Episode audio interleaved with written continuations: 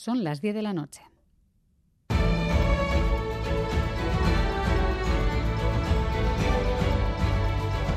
Radio Euskadi y Radio Vitoria. Servicios informativos. Repasamos los titulares de la jornada con John Fernández Mur, Gabón. Gabón, Miriam, noticias de este martes 7 de febrero en el que comenzamos mirando a Turquía y Siria. Son ya al menos 7.200 los fallecidos por los seísmos que se producían ayer y se espera que estas cifras sigan aumentando de manera notable. El terremoto ha afectado a un área muy amplia, 100.000 kilómetros cuadrados en Turquía han sido declarados zona catastrófica y la situación en Siria, de la que tenemos menos información, es todavía más precaria. En Gambara hemos hablado con Moisés Bellok, responsable de la ONG Intervención, Ayuda y Emergencias. Está camino de Adiyaman, una zona al noreste del epicentro del terremoto. Están las carreteras eh, entre muchas cortadas, otras el tráfico colapsado. Nos está costando mucho de llegar a la zona. Lo que estamos viendo muchísima gente saliendo de la zona afectada y cargados con maletas y demás enseres Miles de personas han sido socorridas por los equipos de rescate. Eran ya 8.000 esta mañana solo en Turquía. La ayuda internacional está llegando ya y lo seguirá haciendo estos próximos días. A partir de mañana podremos ir en transporte público sin mascarilla. Lo ha aprobado como estaba previsto el Consejo de Ministros. Era el último país de la Unión Europea en mantener la obligatoriedad. Los conductores de autobús, entre otros colectivos, llevaban meses esperando esta noticia. Deseando, deseando estamos que la quiten ya de una vez porque para nosotros es un desgaste. Bien, para ahorrarte problemas con la gente. Para mí, vamos, ya demasiado tarde ha sido ya. Yo creo que va a ser mejor para todos. O sea, que haya un trabajo y un esfuerzo que en principio no es el nuestro. Nos lleva a tener muchos problemas con los pasajeros. Sí, es un incordio porque hay viajeros que no lo asumen del todo bien. Hacer un poco de policías, de autoridad. A partir de mañana vamos a ir más relajados.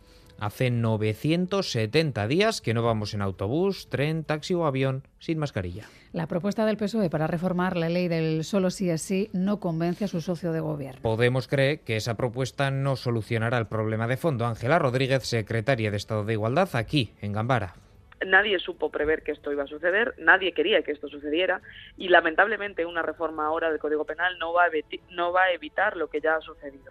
Entendemos que el presidente quiera poner encima de la mesa una propuesta penal eh, que ayude a reducir el margen de interpretación a, futuro que puedan tener los jueces y que pueda dar cierta tranquilidad a la ciudadanía, a pesar de que no va a solucionar el problema que tenemos encima de la mesa.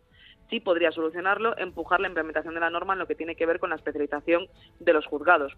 La natalidad, que sigue en caída libre en Euskadi. En el tercer trimestre de 2022 hubo en la Comunidad Autónoma Vasca 3.500 nacimientos, un 7,5% menos que el mismo periodo del año anterior. Es el segundo mayor descenso en un trimestre desde que en los tercer, tres primeros meses de 2021 se registrara una caída del 12%, pero en ese periodo no se descartaba la incidencia de la pandemia. En 2022, en todos los trimestres, la caída de la natalidad ha sido una constante hasta conocer este último en el que se han registrado números históricos. El gobierno vasco está valorando poner detectores de metales a la entrada de los locales de ocio nocturno. Así lo aseguraba esta mañana el portavoz del Ejecutivo, Bingen Zupiria. Sí se está analizando seriamente la posibilidad de solicitar o de implantar eh, el uso de detectores de metales en algunos eh, locales eh, determinados.